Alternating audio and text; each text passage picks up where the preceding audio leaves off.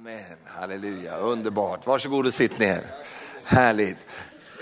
Ta fram din bibel på en gång så ska vi läsa ifrån Jesaja eh, bok kapitel 61. Och ikväll har jag en speciell predikan här ikväll och den går till två kategorier av människor. Den går till dig som har det väldigt jobbigt just nu och har en eh, sorg i ditt liv av någon anledning. Eh, och den går till dig som eh, eh behöver lära dig att eh, hjälpa dem som sörjer. Så eh, det kommer att gå åt två håll ikväll. Så vi ska ta, ta eh, och tala om någonting som kallas för sorgens väg till liv.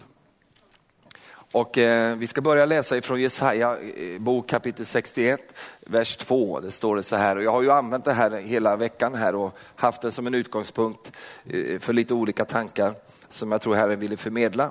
Och ikväll så har vi en, eh, en, en sida i det här som vi ska dela med dig. Och eh, det står så här, till att predika ett nådens år från Herren och en hämndens dag från vår Gud. För att trösta alla sörjande, för att låta de sörjande i Sion få huvudprydnad istället för aska, glädjens olja istället för sorg, lovprisningens klädnad istället för en modfälld ande. Och de ska kallas rättfärdighetens terebinter, planterade av Herren till hans förhärligande. Herre, nu ber vi att du öppnar ditt ord för oss så att vi ser det och kan ta det till oss, Herre. Herre, vi öppnar våra hjärtan så att det kan bli en landningsbana för det ord du vill tala, Herre. Hjälp mig, Herre, att vara precis där du vill att jag ska vara ikväll, Herre. Inte för högt, för lågt eller för vitt och brett, utan vara precis där du vill att jag ska vara. I Jesu namn. Amen för att sörja, för att trösta alla sörjande, för att låta det sörjande i Sion få huvudprydnad istället för aska. Här ser vi alltså då att det finns ibland behov av att trösta sörjande. Varför då? Därför att ibland så sörjer vi. Och eh, ikväll ska vi titta på det här med sorg och, eh, eh och jag vill lyfta fram det utifrån denna välsignelse det är att få nåd av Gud att sörja på hans sätt. I första tanken när vi tänker på sorg så tänker vi ju inte på eh, att det skulle kanske vara en välsignelse att gå in i sorgkläderna. Men eh, i Guds perspektiv så är det ibland en ren nödvändighet och där kan du upptäcka hur du, eh, där kan du upptäcka skatter som du inte har funnit förut, både hos Gud och hos dig själv. Och när vi då tar oss den vägen och går den vägen så blir det till en välsignelse för oss. Och eh, eh Gud önskar ju att vi skulle få komma till den där platsen i våra liv där vi får tag på djupen i våra liv. Vi lever i en förbannelse i den här tiden och den förbannelsen kallas för ytlighetens förbannelse. Tiden är ytlig, vi är ytliga och vi har svårt att få tag på de djupa flödena i våra liv. Och, eh, för vi är barn av den här tiden. Eh, och eh, Gud är ju en Gud som fungerar också i de djupa vattnen. Och det är där som vi kan finna honom på ett sätt som vi kanske annars inte hade funnit honom. Och ibland så behöver vi också hitta våra egna djup. Vi behöver få tag på själsdjupen. Vi är rädda för det många gånger, därför att vi vet inte vad vi ska upptäcka där. Som den här mannen sa, att eh, när jag var liten så var jag rädd för monstret under sängen. Eh, men nu när jag blivit äldre man så är jag mer rädd för monstret i mig. Och det får vi upptäcka i våra liv att det, det, det, kan vara saker som vi inte vill bearbeta, vi vill inte, inte komma åt de där grejerna för vi vet inte riktigt vad vi ska finna där. Och vi är fattiga på verktyg. Verktyg som man hade förr i tiden helt naturligt därför att där var de här sakerna med sorg, liv och död var mycket mer sammanblandat med familjens övriga liv. Och eh, man hade inte alla de här institutionerna, man, man stoppade inte undan saker eh, för att kunna liksom, eh, leva vidare utan att vara berörd. Utan där där var man tvungen att ta hand om det som skedde. För man bodde där på gården och man hade de där sakerna där och, och eh, man var tvungen att liksom, eh, hitta verktygen för att hantera till exempel det här med sorg. Och eh, det är ju ingenting konstigt egentligen eftersom Gud själv sponsrar tanken av att vi ska sörja ibland. Han skulle ju trösta alla som sörjde står det. Och eh, det går ju inte att trösta en som sörjer om den som sörjer inte vill sörja. Utan man måste gå in i sorgens arbete och då kan man upptäcka nya ting om Herren och sig själv. Det står så här i, i Predikaren kapitel 3, ska vi titta på ett ord där. eh, i Predikaren kapitel 3, vers 4, så står det så här. Han har ju listat olika tider här och, och, och, så vidare. Han säger att det finns en tid för en mängd olika saker. Kommer han in i vers 4 här så står det så här att gråta har sin tid, att le har sin tid, att sörja har sin tid och att dansa har sin tid. Här ser vi nu att sorgen har en tid. Det finns alltså då en tid att sörja. Och när då den tiden är där, då är det fel att göra något annat. Det är inte rätt tid att göra något annat då. Det, detta då annat, det kommer senare sen. Om vi fattar detta att vi kan, vi kan gå i den tid som är för stunden, så kommer vi över i en annan tid sen. För det stod ju här att efter sorgen så kommer dansens tid. Va? Och nu vet ju jag att vi har favoriter, va? Vi, vi vill ha det på ett visst sätt. Men eh, eh, ibland är det så att det är tid för saker och ting som kanske i naturligt sett inte eh, ska vi säga, attraherar oss så mycket. Men det är lika fullt lika viktigt att vi går den vägen. Och det finns en positiv klang i det här med sorgen, i det att Jesus själv står upp och säger i Matteus 5, vers 4, så säger han så här, saliga är de som sörjer. Alltså det, och salig betyder välsignad. Alltså välsignade är de som sörjer. Alltså det är ingen förbannelse att sörja utan det är välsignelse att sörja. Därför att de skall bli tröstade säger Bibeln här. Och det är Jesus som säger det. Eh, I en annan ställe säger han, saliga de som gråter, de ska bli tröstade. Så det finns någonting med det här som inte Bibeln värjer sig för utan istället eh, uppmuntrar till när den tiden är där. Så nu eh, är vi ju på lite olika platser här ikväll och det, det kan vara så att du precis har blivit drabbad av sorg eller är precis i en sorgeprocess. Då kommer det här att hjälpa dig ikväll. Eh, det finns också du som har erfarenhet bakåt i ditt liv där du inte gick sorgens väg utan gick någon annan väg på trots av att det var tid för något annat. Då har du återigen ett arbete att ta upp i ditt liv för att det här ska bli eh, riktat och rätt i ditt liv. Så det kan hända att det kan komma upp saker. Det är ju det Marie och jag märker hela tiden när vi är ute och reser. Det, det rör upp saker i människor så vi får ju sitta med i, i, i samtal och sånt där efteråt och det gör vi så gärna därför att det är ju vår kallelse att på det sättet kunna bistå eh, med det Gud har gett oss. Men eh, det är helt okej okay att det kommer upp grejer, det är helt okej okay att det får så. Därför att Herren vill någonting med dig. Han vill att du ska vara hel, helt igenom. Amen. Och han vill säkra din framtid. Det är därför han, han ger dig sorgen. Det är han som kommer med sorgen till dig och säger ta på dig det här nu för nu ska jag säkra din framtid. Amen. Sen måste vi ha med oss det också, det står att allting har sin tid. Så, sorgen har sin tid. Det betyder sorgen är inte ändlös. Den tar, den tar slut alltså. Den, det, det, finns en tid då jag vandrar in i den och det finns en tid då jag vandrar ut ur den. Och ibland får faktiskt Herren hjälpa oss att nu får du sluta att sörja för nu är den här tiden över. Nu finns det inte nåd för den här tiden längre. Nu måste du släppa det här för annars sker någonting som vi kan se hos människor ibland, att de har en sorgfläck över sitt liv för resten av livet. Alltså det är något som kastar skugga över dem eh, därför att eh, de, de liksom förstod inte riktigt att samarbeta med Gud i sorgen, utan då blir det istället att sorgen lever kvar sen som en del av deras liv för resten av livet. Och det är inte tanken. För att det stod ju det att vi skulle ju få eh, lovprisningens klädnad mot sorgens klädnad, eller istället för sorgens klädnad. Så det är inte, tanken är ju inte att vi ska ha dem här jämt, men vi ska ha dem för en tid. För att Gud vill göra saker i våra liv och då vill han gå på djupet med oss. Men när den tiden är över, då kommer han att säga till dig som han säger till eh, Samuel, hur länge ska du sörja? Eh, nu är det dags att fylla ditt horn med olja och gå vidare. Men inte först Gud säger det. Va? När är du färdig med sorgearbetet? När Gud säger att du är färdig. Va? Amen.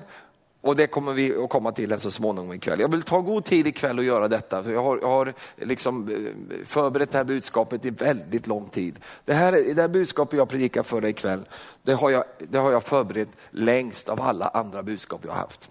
Jag förstår inte riktigt varför det blev så, men det blev så. Eh, jag har hållit på med det i över åtta år. Eh, fram och tillbaka. Jag har varit på gång och predikade många gånger. Eh, jag har haft de här anteckningarna färdiga för länge sedan eh, och jag var på väg och predika och Gud bara stoppade mig och säger Stefan, du ska inte ta det än. Därför att du är inte färdig än själv, utan du måste vara liksom helt igenom alla de här sakerna för att du ska kunna leverera det här till andra människor. Och då var det ju så märkligt att jag fick det här budskapet som en förlösning att predika första gången i, på Livets Ord för några veckor sedan. Och det var alltså då veckan innan pastor Ulf talade om det som har fört många människor in i sorg. Eh, och jag hade ju ingen aning om det, mer än att eh, jag hade en känsla, en aning på insidan att det här skulle ske, men jag visste inte att det skulle ske då. Så, så det, det var så tajmat och Ulf och Birgitta var med på det där mötet. Och, och eh, pastor Janne kom fram och sa, det är ju makalöst, är det här något beställningsverk det här? Eller? Eh, och det var det. Det var beställningsverk från Herren. Därför att Herren ser och vill möta med oss när vi hamnar i svåra lägen och det blir sorg. Och nu när jag talar om det här så gör jag det i ett vidare perspektiv. Eh, därför att det inte bara är frågan om död, va? att någon har dött. För, för, för oss har det varit det, därför att den här undervisningen kommer ur vår erfarenhet när vår äldsta dotter dog. Så fick vi gå igenom de här stegen. Så alla de steg jag talar om ikväll har vi levt igenom själva. Vi har liksom varit i de här platserna eh, och, och, och, så. Men, men det är inte bara vara så att det, en sorg behöver inte bara komma för att någon går bort på det sättet, utan den kan komma i en skilsmässa. Och vi lever i en tid där det är väldigt mycket skilsmässor och det för människor in i sorg. Eh, andra typer av uppbrott kan ske. Till och med faktiskt en positiv händelse kan starta en sorgeprocess i mitt liv du byter arbete eh, eller du blir av med ett arbete så kanske i sin förlängning var en positiv sak för att det kommer att föra dig till en ny plats i ditt liv. Men just där och då blev det sorgfällt för dig därför att eh, du, du, du hade en tryggad värld, du hade en situation, du hade arbetskamrater, du hade en plats att gå till varje dag, rutiner och sådana saker och helt plötsligt så rycks det där bort ifrån dig och då kan du få uppleva att det är en sorg i ditt liv och det kan du ta dig igenom tillsammans med Herren i. Amen. Och andra andra saker också som kan ske i en människas liv. Så det här kan ju sprida sig ut i alla möjliga facetter. Och för många har det blivit också ett sorgarbete med det som har hänt i våra sammanhang, i våran alltså, trosfamilj, där vi har då eh, fått möta de här sakerna som vi har mött här de senaste veckorna. Och då kan det bli en, en sorgeprocess och det är så bra. Jag har lärt mig att jag använder de här stegen som jag själv undervisar i mitt eget liv när jag möter olika saker. För det är bra för Stefan, och, och, och jag heter ju det, att liksom eh, ta en extra sväng med mig själv. För jag vill inte bli knockad längre fram sen av någonting som bara slår ner mig på grund av att det inte var bearbetat i mitt liv. Jag vill inte ha någonting som, som inte klarerar från himlen. Och då får man vara seriös med sig själv och gå en väg och det har vi tid med. Amen. Vi har tid med det och Herren har tid med det. Han vill inte bara ge dig en framtid utan han vill ge dig en bra framtid. En ljus framtid, en läkt och hel framtid där du kan få finnas, finna ett blomstrande, ett, ett blomstrande liv för dig själv och andra. Amen. Men innan jag börjar tala om de här olika stegen så vill jag bara slå fast några saker här. Det första jag vill verkligen visa på, det var just det jag nyss sa, sorgen har en tid. Eh, och eh, den har ingenting att göra med vilken typ av personlighet du är. Jag brukar tänka på mig själv att det, jag är kanske inte riktigt rätt person att hålla på och tala om det här, känns det som ibland. För jag är inte riktigt känd för det. Att jag är ju mer en, en the dancing preacher. Va? Eh, det, det, är liksom mer det, jag är känd för de sakerna och kanske är liksom Guds humor i det hela också. Men inte bara därför, utan jag har ju haft många sorger i mitt liv. Så att, eh, det, det, det, finns en bakgrund. Men det är inte liksom det kanske det första jag tänker på predika när jag ska predika, utan eh, Herren får liksom verkligen säga, Stefan det här behövs nu. Och då, då vill jag göra det för att det är Gud som bestämmer de här sakerna. Men, men det finns en tid för det här, det vill jag säga. Det andra jag vill säga det är att det är skillnad att sörja med Gud och att sörja utan Gud. Och nu förstår jag att de flesta är kristna här idag, men du kan sörja utan Gud i alla fall. Det är ingen automatik att du sörjer med honom bara för att du är kristen, för du måste bjuda in honom i din sorg. Annars sörjer du utan Gud. Vad är skillnaden att sörja med Gud och sörja utan Gud? Hoppet. Det är det som är skillnaden. Och det läser vi om i första Thessalonikerbrevet 4, vers 13. Nu är jag lite snabb här med bibelorden, men, men, men jag vill ändå läsa dem. Och det står så här, bröder, vi vill att ni ska veta hur det förhåller sig med de som har insomnat, så att ni inte sörjer som de andra, de som inte har något hopp. Eftersom vi tror att Jesus har dött och uppstått så tror vi också att Gud ska föra fram dem som har insomnat i Jesus tillsammans med honom. Här ser du själva nyckelordet och det är just hoppet. Att sörja med Gud, det är att sörja med hopp. Att sörja utan Gud, det är att sörja utan hopp. Och nu vill jag göra en skillnad mellan hopp här. Därför att du kommer att märka under tiden i ditt sorgarbete att det blir hopplöst. Men det betyder inte att eh, Guds hoppet har försvunnit. Det är skillnad på ditt hopp och Guds hopp. Ditt hopp kan försvinna ibland, men aldrig Guds hopp. Och har du förankrat ditt liv i Gud, i hoppet som finns i honom. Därför att han kastar ut sin, sin, sitt ankare till din själ, till att ta emot det för dig själv och förankrar upp det i ditt liv mot honom själv. Så att när du går igenom sorgens process och sorgens väg så har du någonting förankrat utanför dig själv. Och det kommer du finna så oerhört dyrbart när sorgen slår till med full kraft i ditt liv. Och därför att då hamnar du i ett läge, precis som Abraham, där allt hopp är ute. Men när allt hopp är ute så hoppades han ändå. Hur lyckas man med det om allt hopp är ute? Jo, man kan hoppas utöver sitt eget hopp. Och det hoppet som är utöver ditt hopp, det är det hopp du har i Gud. Va? Amen. Och därför så är det så viktigt att veta det för sitt liv, speciellt då när man vandrar igenom eh, en sorgeprocess Eh, där hoppets känsla eh, försvinner, när man inte känner hopp längre, då är det så viktigt att ha ett hopp som inte är en känsla utan som är Gud själv. Wow. Halleluja. Det är ju inte för intet som man kallas för hoppets Gud. Han är den som ger hopp om en framtid. Han är den som är hoppet och därför så måste vi förankra oss i honom. Amen. Eh, och det är också så att hoppet, gudshoppet alltså, det är ett ankare för själen. Hebreerbrevet 6 och 19 står det, i detta hopp har vi tryggt och säkert själens ankare som når innanför förlåten. Amen. Det betyder att det finns ett, att ett ankare som vi kan kasta upp innanför förlåten, alltså himmelen. Och där har vi ett säkert och tryggt själens ankare. Du behöver ett ankare för din själ. För din själ den kan fladdra omkring hur som helst, det märker du. Eh, den går upp och ner, fram och tillbaka. Och då behöver du förankra din själ, precis som du gör med din båt. Du förankrar din båt utanför båten. Du slänger ju inte ankaret i båten. Nu är det en del som får aha-upplevelse här, va? Du, därför att du, du, du inser att det, eh, ankaret var inget fel på, utan det var det du slängde det som var fel på. Du slänger det utanför båten för att ankra upp ditt, eh, din båt. Så att, eh, speciellt när det är vindigt och det är jobbigt, va? Då, då behöver man det. Och så är det med hoppet i Gud. Du förankrar ditt, ditt, din själ i Gud. Va?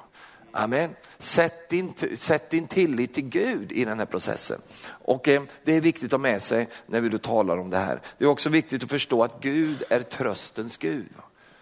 Alltså är det någonting han är bra på så är det att trösta. Va? Och jag tackar Gud för att han är sådan.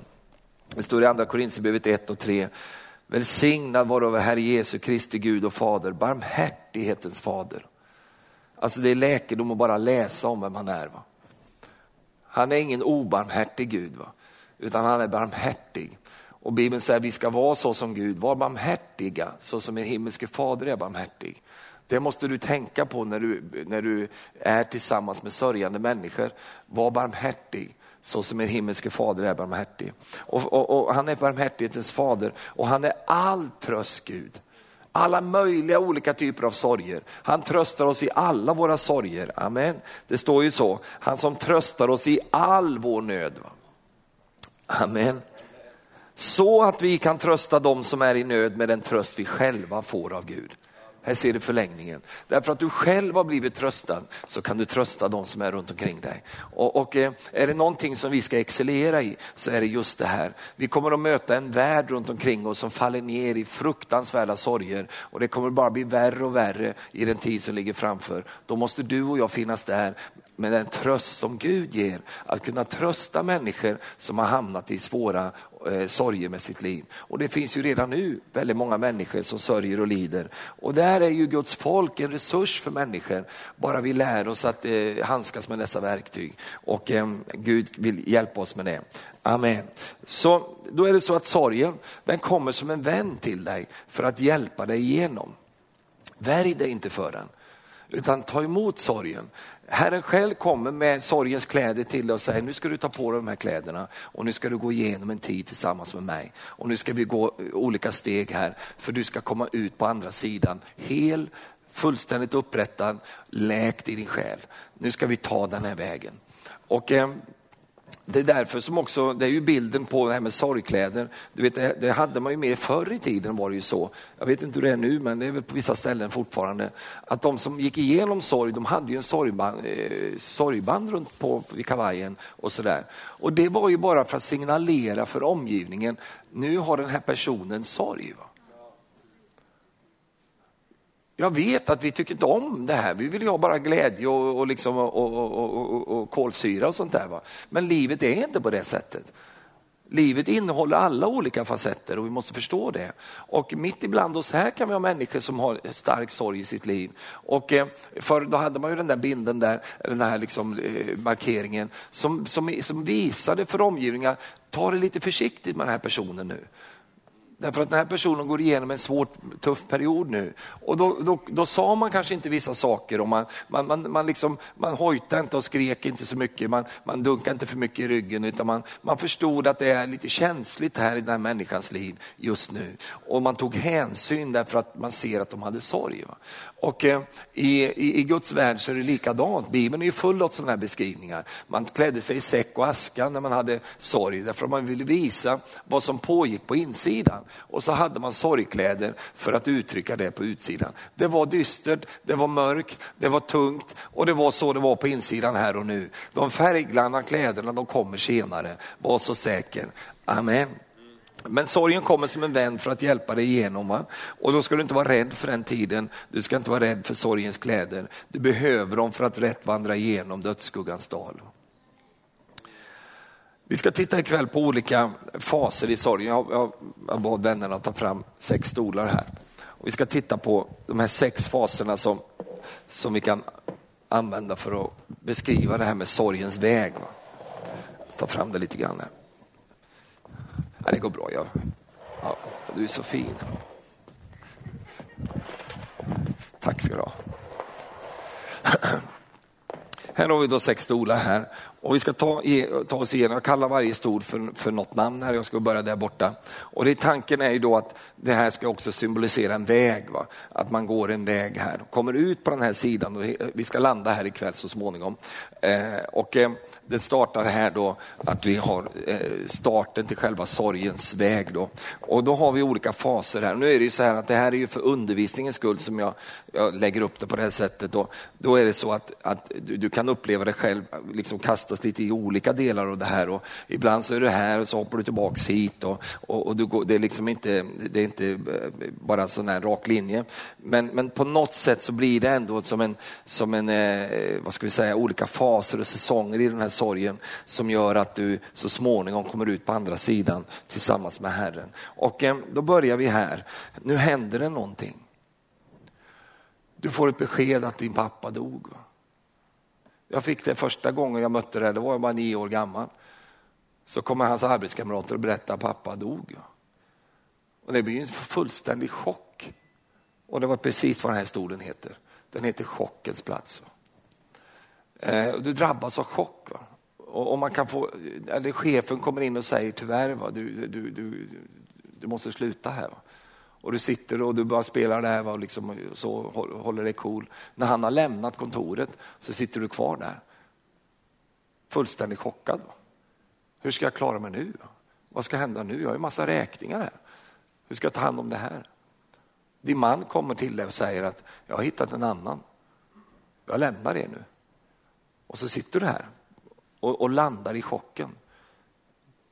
Och när man landar i chocken så, så händer olika saker med olika människor. En del blir hyperaktiva. Va? Det kan gå igång väldigt mycket adrenalin här. Va? Och det är inte att förväxla med nåd. Va? Därför att Herren har ju nåd och bär oss igenom allt sammans. Men Herrens nåd vill ta det på djupet också. Inte bara ut i aktiviteter. Chocken kan förlösa väldigt mycket. Du kan bli superstark här. Det finns folk som lyfter bilar i chocken. Det finns, det finns enorm kapacitet i människomaterialet och eh, när vi blir chockade så finner vi oss ofta då i något av de här tillståndet. Antingen blir vi paralyserade och, och, och fattar ingenting och bara sitter där och, och, och, har svårt att ta in vad som har hänt, för det har man i chocken. Man kan liksom inte riktigt ta in det, utan saker går igång, systemet går igång, vi handlar utifrån reflexer och eh, det är väldigt vanligt. Eh, chocken är inte bara dålig, utan den kan också vara med och, och, och, och liksom få igång saker i ditt liv. Så att, eh, jag vill inte säga att det bara är dåligt, men det är en erfarenhet som vi får göra. När, när vår äldsta dotter dog så fick jag en väldig chock. Och vi har ju suttit, Maria och jag, och gjort den här undervisningen tillsammans och liksom pratat igenom det här och olika, hur vi har varit lite olika i det här och så vidare. Marie blev inte så chockad, utan hon hamnade mer i, rakt ner i förtvivlan. Men jag var chockad, så jag, jag, jag bar ju allting med mina händer. Folk kom fram till mig och sa, Stefan du, du är superstark. Va? Alltså hur klarar du av allting? Hålla igång familjen och ordna med begravning och fixa och dona. Wow, vi är imponerade Stefan. Men jag var i chock. Och det var väldigt få som såg det. Va? Och jag såg det inte själv heller. Jag såg inte vad som var på väg att komma. Det kom lite senare sen. Eh, och, och, Det är lite olika hur, hur det här tar sig ut i våra liv. Men, men när chocken är där så börjar själva sorgeprocessen. Och då är det så viktigt att man får ta sig vidare. Va? Men det finns en stol till här som är kopplad till chocken och den kallar jag för förnekelsen. Därför att eh, det är väldigt vanligt för oss människor att vi förnekar det inträffade. Det har inte hänt. Va? Det, det, men det får inte ha hänt. Va? Det kan inte ha hänt. Nej, jag kan inte ta in det här. Alltså det är ett sätt som människan gör för att skydda sig själv. Och bara, bara här att liksom eh, veckla ut sorgens kläder ordentligt, eh, eh, det, det, kräver mycket av oss människor och det kräver mycket av vår omgivning. Därför att det, det är ingen hjälp för oss att leva i förnekelse. Eh, och man kan liksom förneka saker eh, bara för att om man då liksom öppnar och gläntar upp den där dörren av den, den verklighet som egentligen har, har, har, kommit nu, så blir det så jobbigt för hela systemet så att man väljer istället att hålla igen den dörren. Men Jesus vill inte att vi ska hålla igen den, därför att han vet ju vad som pågår här inne i alla fall. Men förnekelsen och chocken, de, de ligger ihop de här två. Och eh, i förnekelsen så, så kan man, liksom på grund av att man på något sätt ändå då måste leva vidare med sitt liv, så kan man skapa en egen verklighet va? utav det som har inträffat. Och, och, eh, att göra det, det gör att jag blir fattig i min fortsättning. Jag måste vidare från den här platsen och jag måste vidare från den på Guds sätt. Men förnekelsens plats är en realitet för oss. Och ehm, på, på, ett eller annat sätt så är vi alla sådana att vi gärna förnekar. Vi för, och, och, då kan man göra två saker. Man förbättrar och man förändrar det i den bemärkelsen. Eller man försämrar den, gör det ändå värre än vad det är. Det ligger i det här hängnet här. Och Gud vill inte att något av det där ska vara eh, liksom vår väg framåt, utan han vill att vi ska landa i den verklighet som han vill beskriva.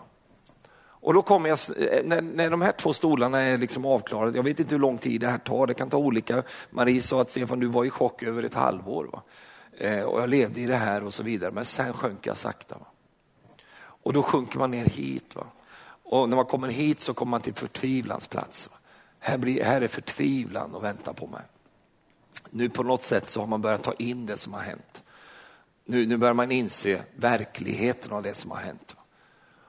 Och nu känner man att förtvivlan greppar på insidan. Och, och när förtvivlan kommer så sätter känslorna igång. Alla möjliga känslor. Allt från ilska, vrede, skuldbeläggelse, självanklagelse, skam, eh, liksom förtvivlan och mängd olika känslor kommer igång. Oftast kommer de igång, det verkar så ibland som att alla lampor lyser samtidigt. Va? Jag tänker på bilar. Vet du. Du, vet, du har ju bilar och har du ju massa såna in, in, lampor där framme vid, bakom ratten. Och de där lamporna blinkar ju ibland, liksom, och till exempel oil, oljelampan blinkar. Och då är det ju så, det är ju inte djävulen som blinkar där, va? utan det är, ju, det är ju för att det är något annat längre in i motorn som behöver åtgärdas. Kan du tänka känslorna på det sättet? Att känslorna indikerar någonting som har en djupare rot. Va? Och därför är det så här att det kan blinka där framme, men själva lösningen är en annan sak än det som blinkar. Och då är ju vi sådana där, eh, och människor är ju så idag, att man är på det där sättet som jag var när jag var ung och fattig. Nu är jag bara, ja, nu är jag bara en av de två sakerna. Men, men, men när, när jag var yngre då, i alla fall och jag såg här, de där sura lamporna blinkade. Va? Liksom, engine failure. Va? Man såg liksom växellådsindikatorn, man insåg att det blir dyrt att laga den där. Va? Då tyckte jag det var så jobbigt när den blinkade. Va? Så då satte jag på en svart tejp där framme. Va? Det är så skönt va? Jag har fixat det här nu. Va? Underbart. Va? Till slut hade jag en remsa med eh, hela... Eh, alltså, jag har löst det här problemet. Va? Men det är ett väldigt liksom, dåligt sätt att lösa det där problemet. Jag menar, att köpa en, en, en, en 75 vodka löser inte problemet. Va?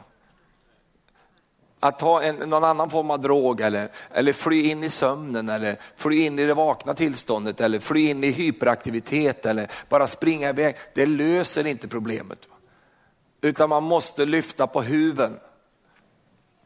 Och man måste titta in vad som egentligen, för den där lampan signalerar någonting som kommer från motorn. Dina känslor signalerar någonting som kommer längre in ifrån. Allt det där vet ju Jesus. Va? Och det är det som är så bra med våra känslor, det är bara det att vi måste tolka dem på rätt sätt.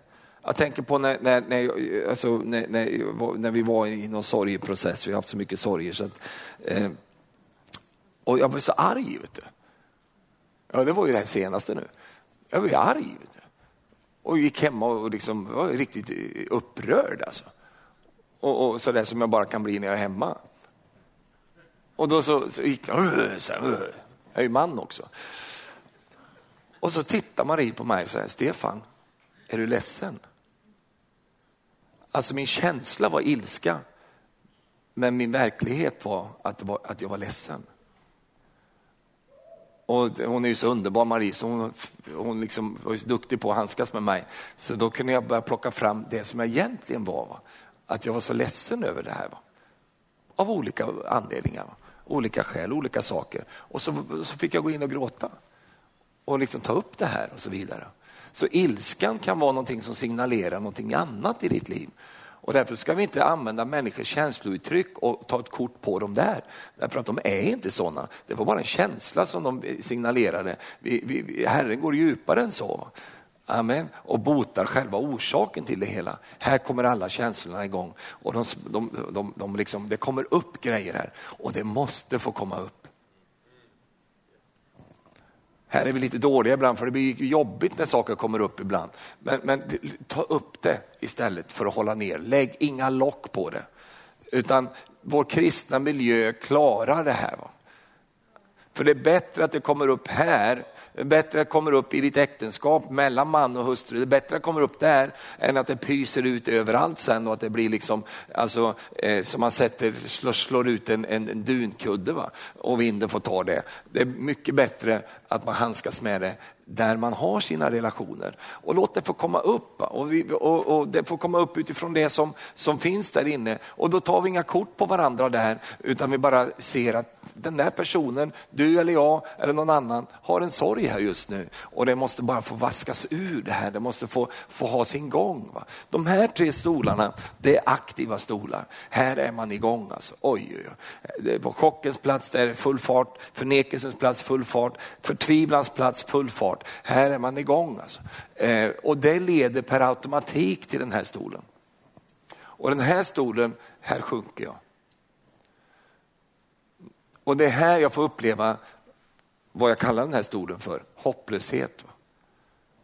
Och här har vi lite svårt vi kristna därför att vi som kristna ska ju inte känna oss hopplösa och så gör vi det i alla fall.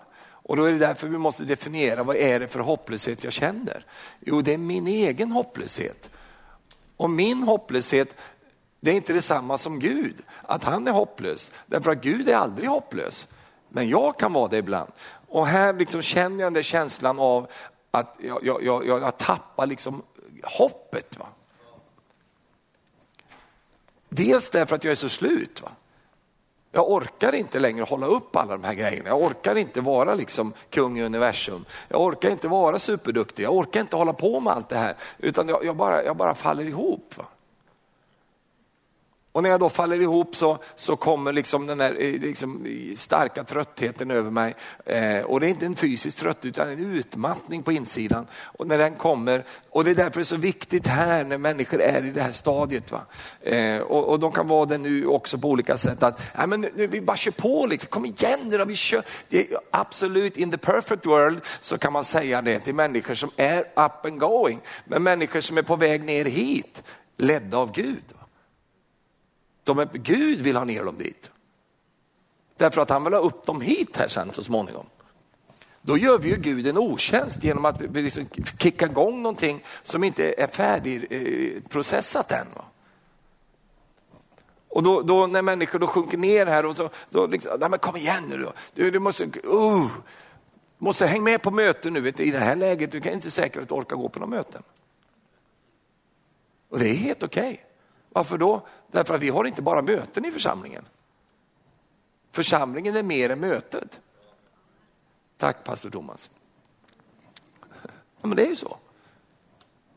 Och även de möten vi har varierar ju. Va? Och när vi, Marie och jag arbetar med människor som är på det här sättet och är precis här, så säger vi till dem, gå, gå inte på det här mötet. Häng med på det här mötet istället. Och, och du kan vara med oss. Va? Du kan gå lite tidigare, du kan komma lite senare. Och du behöver inte fika efteråt. Va? Du kan gå hem. Va? Därför att här är man så, så slut och man orkar inte saker och ting här. Och det är helt okej. Okay. Varför då? Därför att här är det någonting som Gud håller på i människans liv och, eh, och det är bra att vi får vara där ibland i våra liv. Det är svårt för oss det här, för vi är så superaktiva. Vi är aktivister till, till max. Vem menar du Stefan? Dig? Därför att du lever 2014. Du har ju skotern står och går här ute. Och vi, liksom, vi, vi, vi håller ju på så våldsamt. Och jag är likadan jag. Vet du. Så det, jag, säger, jag är precis likadan. Så för, för mig var det så underbart att få, få liksom gå med Herren i de här sakerna, för att upptäcka nya ting. Och i alla fall så, här kan man vara slut och trött och man kan känna sig liksom, orka. Det är här de mörka tankarna kommer. Vad är det för mening? Vad ska jag leva för? Det är ingen idé med någonting. Och försöker, och ju mer du försöker, ju mer sjunker du och det som du tyckte var roligt och det du till och med vet är bra. Du vet att det här är härligt, du vet att det här, man ska göra så här. Man ska läsa Bibeln. Va? Det vet jag och så orkar du inte läsa Bibeln för att det bara, det bara åker ihop så här. Så var det för mig, så jag bara la Bibeln på ansiktet så här. Va? Läs åt mig. Jag orkar inte liksom lyssna på massa undervisning och sådana saker. Och så fick man upptäcka att Gud inte höll det emot mig. Utan Gud säger, det är okej. Okay. Därför att det är någonting som sker här. Det är något som håller på att läka ut här. Och är man bara här tillräckligt länge så kommer man över till nästa sen så småningom. Men här ska vi vara duktiga med varandra också och hjälpa människor. Därför att vi ska bli skickliga att kunna alltså identifiera var människor befinner sig någonstans. Aldrig utan hopp, aldrig utan att tänka att vi ska fram hit. Men när man är här så orkar man inte tänka så mycket på framtiden. Man orkar inte liksom, kom, alltså, uh, man orkar inte de där grejerna. Och det är inget fel på uh, Det är bara det att där och då kan det bli övermäktigt. Va?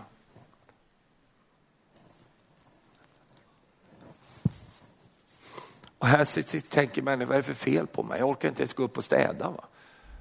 Jag orkar inte liksom ta hand om min, så, inget är kul. Jag, nu ska man ju sätta på de fina färgerna som jag hade köpt, men jag vill inte sätta på dem. Det. Jag kör de gamla sura plåtfärgerna istället. Alltså här är liksom, ingenting är roligt längre. Va? Och jag tänker, vad är det för fel på mig? Här försvinner färgen. Du vet, hela första sommaren när vår dotter dog så såg jag inga färger.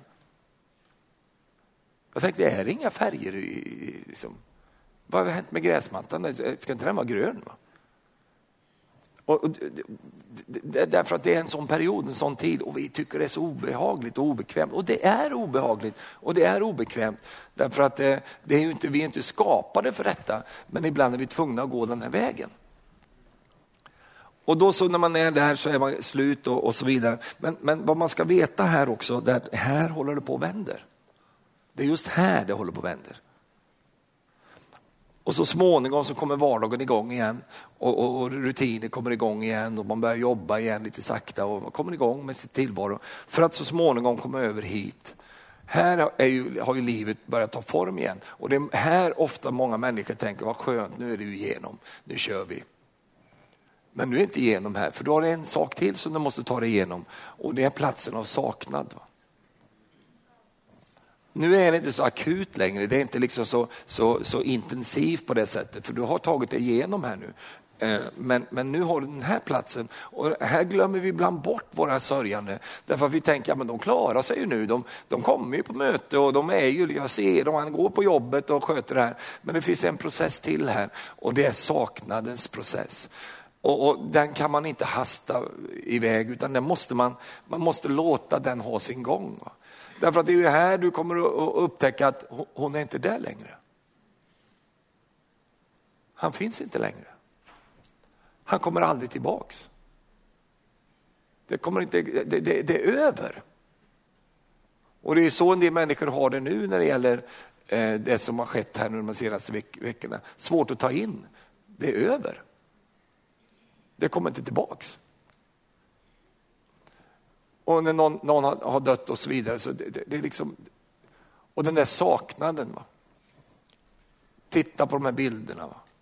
Födelsedagen som, som kommer där och jul och nyår och påsk och, och så vidare. Allt det där som sker. Va? Älskade vän. Skaffa dig inget nytt projekt när du är här. Jag vet människor, de hittar en ny kvinna här eller här. För de står inte ut, eller en ny man, står inte ut med, de går inte igenom processen. Och även här när saknaden begriper om en och man känner gode Gud. Alltså. Håller på att säga, det enda du kan skaffa nytt när något dör så är det en ny hund. Va? Där kan du köpa en ny hundvalp dagen efter, va? men inte det här. Va?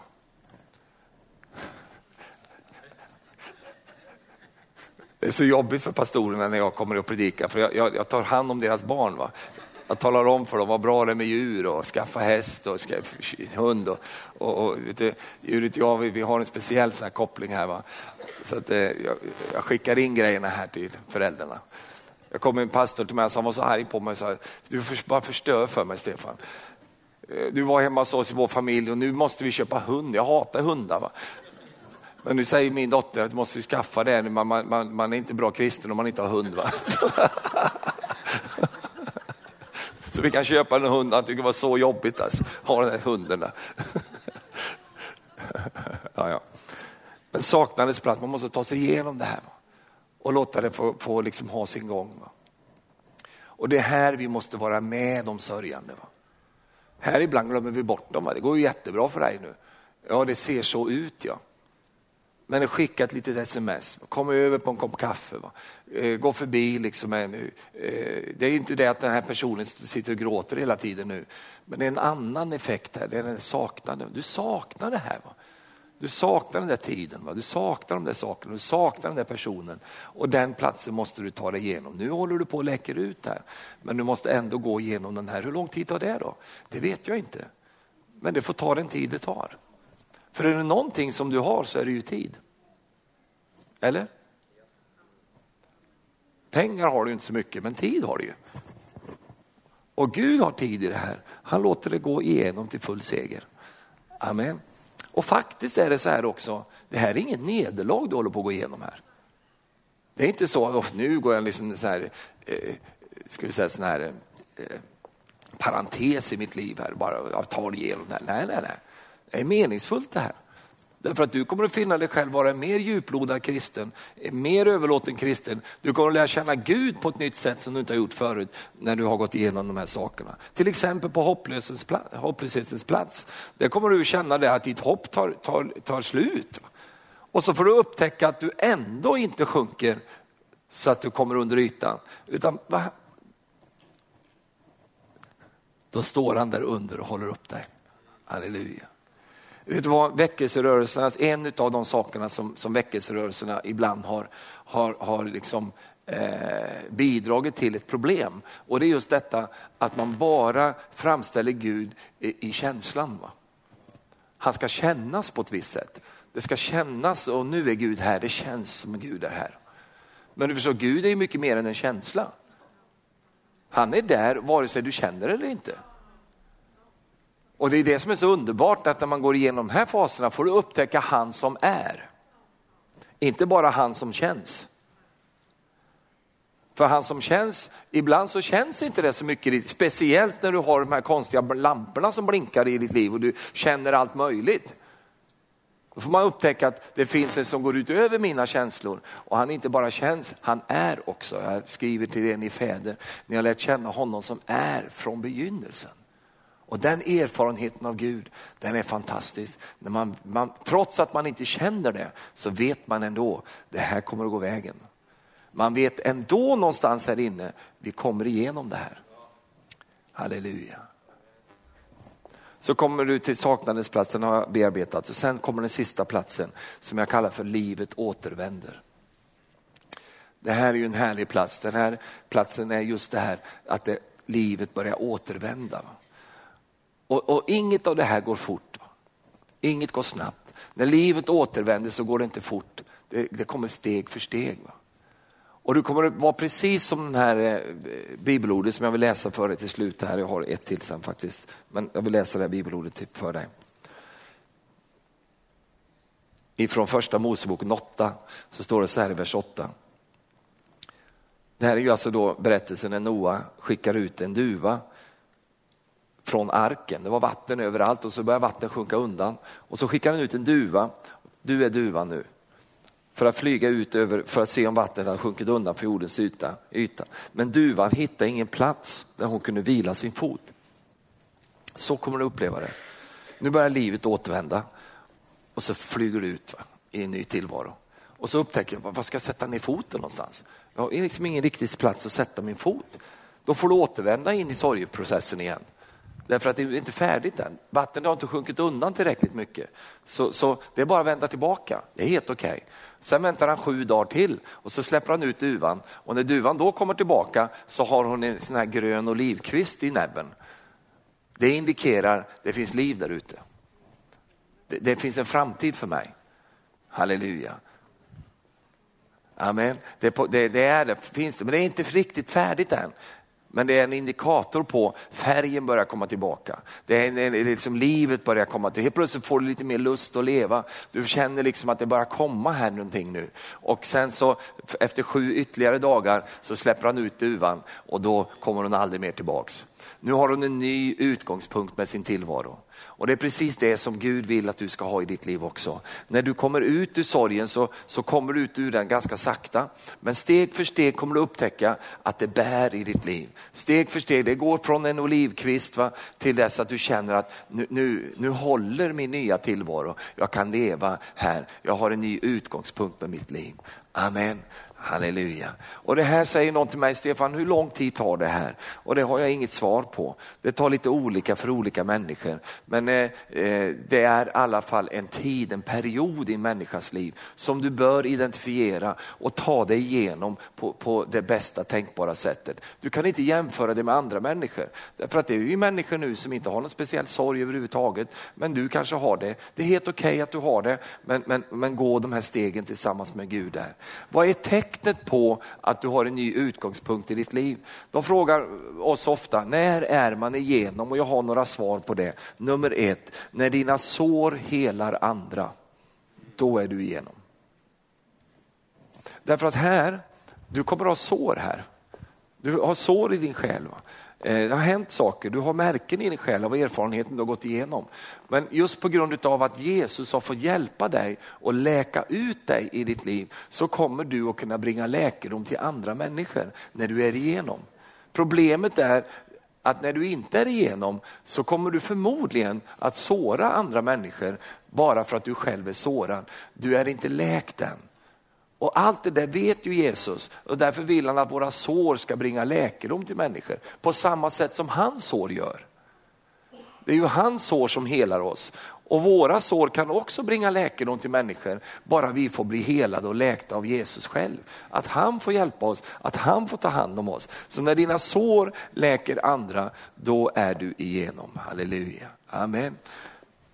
En annan sak av det där, när det är igenom, ja oftast är det omgivningen som ser det före dig. Va? Därför att du ser inte det själv först. Omgivningen kommer märka på det. Oj, du är gladare nu. Oh, du liksom, det, det, är något, det är en studs i ditt liv som du inte hade förut. Omgivningen kommer att se det på dig. Och sen det tredje om det där, det är att när du är igenom så kan du titta tillbaka på det du har gått igenom. Utan att det smärtar dig, utan att det, det, liksom, det blir jobbigt för dig. Du kan prata om den här personen, du kan liksom, eh, titta på det här och det som då kvarstår är vackra minnen och inte plågsamma påminnelser. Det är något vackert som du tittar på, det är något, det är något fint som du ser här. Va? Och Det är någonting som, som gör att när du tittar tillbaks på det där så kan du känna detta, oh, du, de här fina minnena som du hade av, av, av din man eller, eller någon, någon, nära som du hade nära dig som, som gick bort ifrån dig. Så, så, så, när du tittar tillbaks på de sakerna så, så står det där som fina saker i livets minnesbibliotek. Att du bara har det där där och du ser det, du vill gärna ha det som fina saker för din fortsatta le, levnad.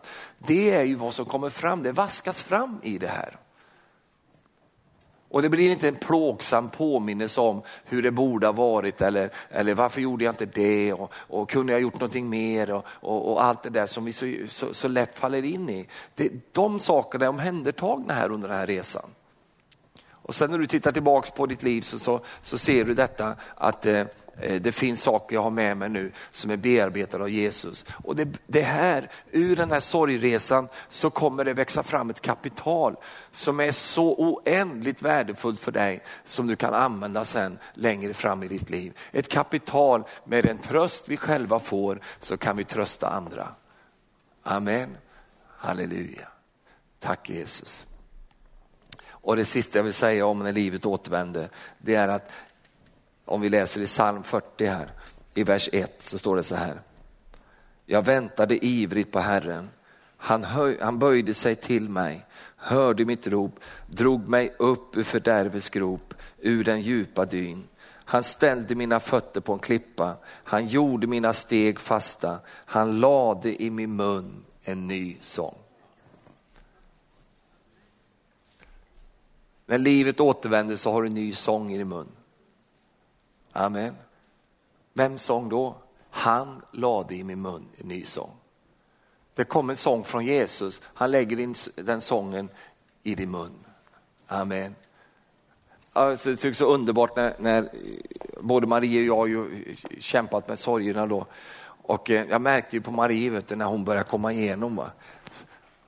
Speciellt en dag, och hon har vittnat om det förut, då, då jag kände att det vände i hennes liv. Hon var ju så djupt nere i förtvivlan och, och, och, allt skulle vara mörkt hemma. Draperierna skulle vara fördragna hela dagen och inget lyse skulle vara på. Det skulle bara vara mörkt. Va?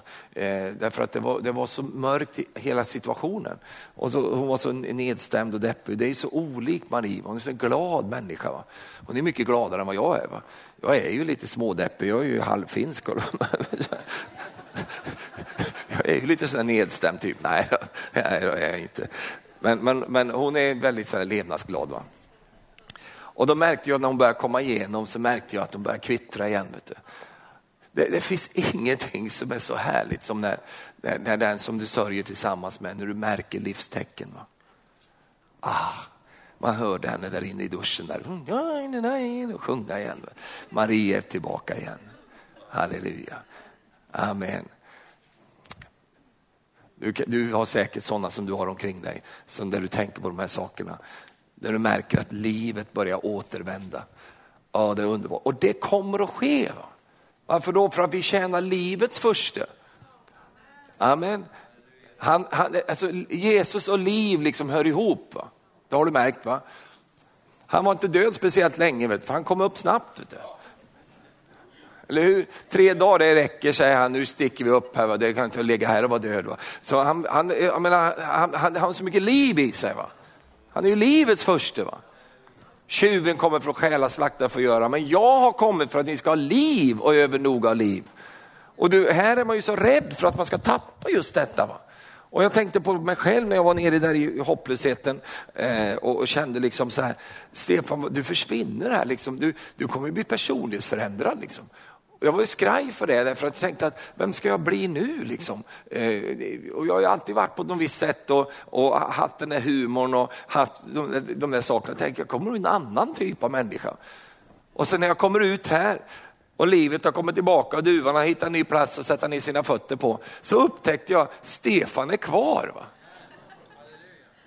Humorn är kvar. Det kanske inte du tycker det är så kul, men jag, jag men, men jag, jag, jag, det är mitt levebröd. Alltså det är kvar, jag är intakt på något sätt, jag är, jag är säkerställd. Jag försvann inte i den här processen. Men jag fördjupades. Saker som var onödiga, de försvann i den där förtvivlans träsk där. Grejer som inte, liksom, det är ju som en ugn. Va?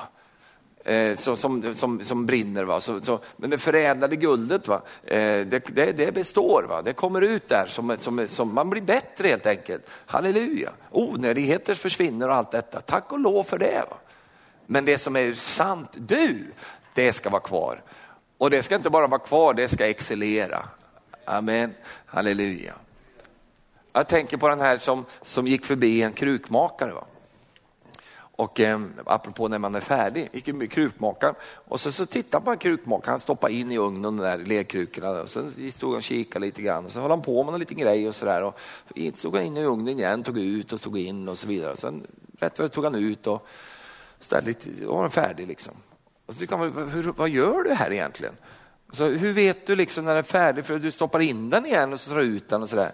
Och då så sa han så här, jo jag vet det mycket väl, sa han, därför att eh, jag tar ut den och så knäpper jag på den. Och när den sjunger är den färdig. Du vet ju när du tar en lerkruka, då är den inte klar. Men när den sjunger, då är den färdig. När du sjunger är du färdig. Halleluja. Du har fått en ny sång.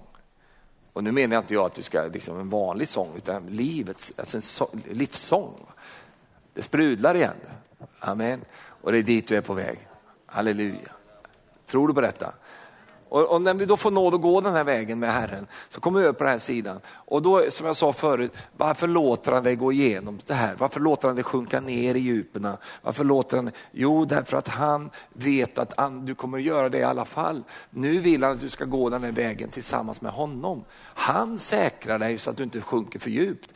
Eh, och han tar hand om dig hela tiden. Och när då du är igenom så, så låter han dig gå den här vägen för att säkerställa dig och din framtid. Att din framtid ska vara fylld med lovprisningens klädnad. Den ska vara fylld med glädjens olja.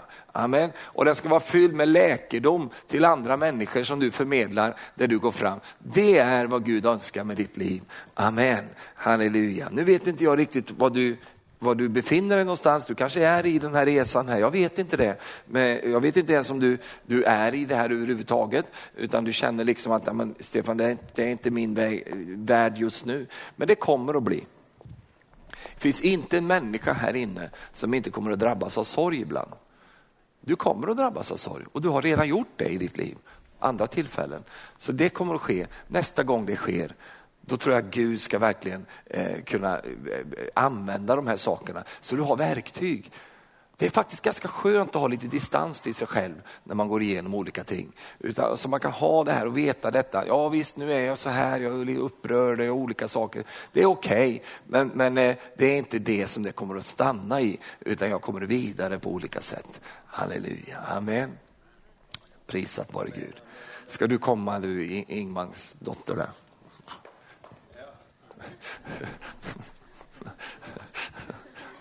Jag är gammal jag vet. Jag, jag såg, min, såg min framtid. Hör du, du.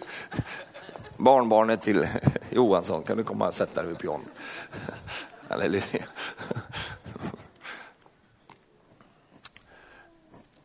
Amen.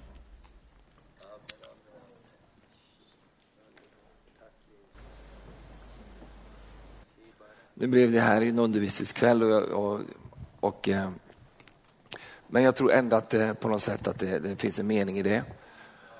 Att vi får liksom...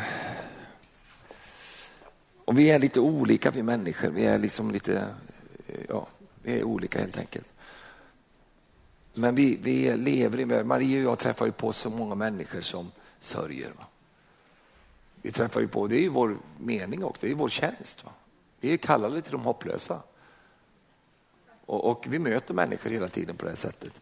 Eh, och, så. och just därför att vi öppnar upp för sånt här, så öppnar de upp. Och jag tror att det, det är många som skulle behöva öppna upp. Släppa ner den där, den där liksom manteln av duktighet och bara liksom falla ner i Jesu famn och låta honom lyfta upp en, en ny styrka som inte är min egen styrka. Att liksom släppa det där. Liksom. Och vi svenskar är ju sådana, inte bara svenskar men mycket svenskar. Vi är ju så, alltså det är så viktigt för oss att hålla upp grejer och vi ska liksom eh, och sådär. Va? Det, det får inte vara liksom det här. Eh, men, men du vet, livet är inte sånt. Va? Och det är väldigt skönt att få bara landa i Gud. Alltså. Halleluja. Och du kan få upptäcka Gud på ett nytt sätt där nere i dalgången.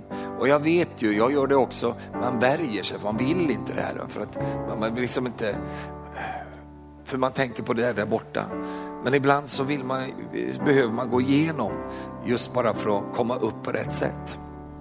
Halleluja. Och det har stärkt mig och hjälpt mig genom mina sorger. Det har hjälpt mig att jag har förstått det, att det är för en tid. Va? Det, det, det är för en tid som jag gör det här. Och då förstår jag det att det kommer någonting annat i anslutning till det här. Amen, halleluja, tack Jesus. Nu Jesus, nu bara inbjuder vi dig och vi välkomnar dig. Tackar dig Jesus för att du, du är den du är Herre, du hjälper oss Herre på allt sätt och vis Herre. Vi prisar dig Herre.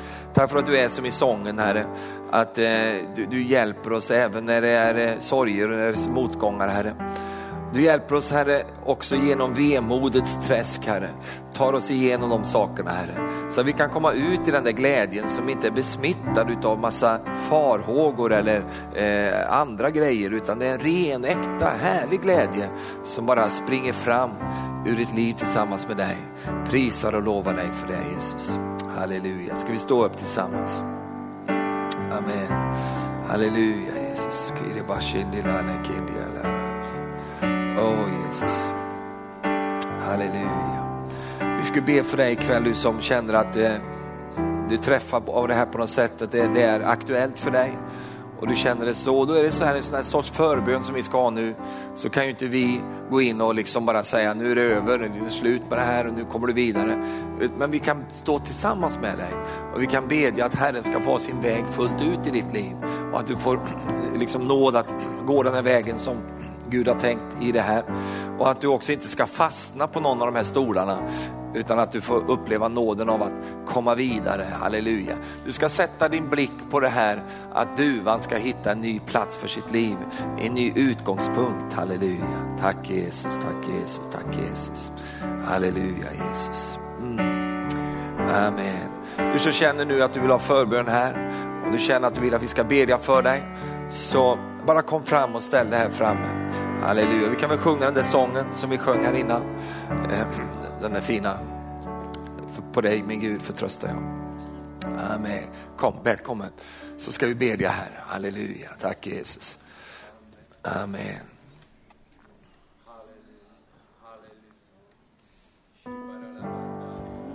Min Gud förtröstar jag. Är min morgondag. För jag vet att du är trofast inom mig. Oh Jesus. När svårigheter omger mig så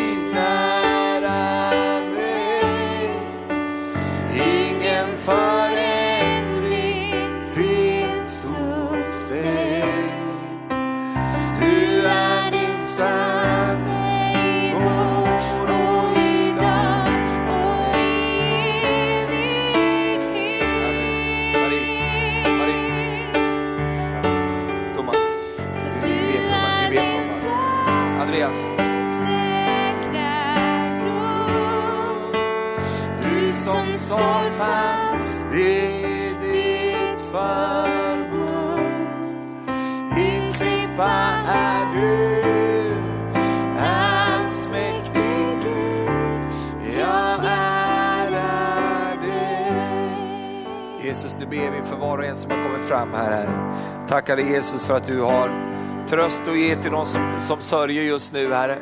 Tackar dig Herre för att du eh, omsluter dem med din kärlek Herre. Tack för att vi får bara koppla samman Herre och stå tillsammans med våra vänner här Herre. Prisar och lovar dig Jesus, vi ärar dig Herre. Tack Herre för att du är den som är tröstens Gud Herre. Och att du kommer Herre vår, till vår svaghet till hjälp Herre. Vi prisar och lovar dig Jesus för det. I Jesu namn. I Jesu namn. Halleluja. Sträck ut era händer mot våra vänner här. Ska vi bedja för dem var och en. Herren känner deras läge. Han vet precis vad det är som behövs och han vet vad, vad, vad att göra i den här situationen. Så vi kopplar med Herren, vi kopplar med hans planer, hans eh, rådslut, vi kopplar med honom i den här situationen. I Jesu namn. Vi fortsätter att prisa Gud under tiden och bara eh, står tillsammans här. Amen. Vi sjunger det så fint.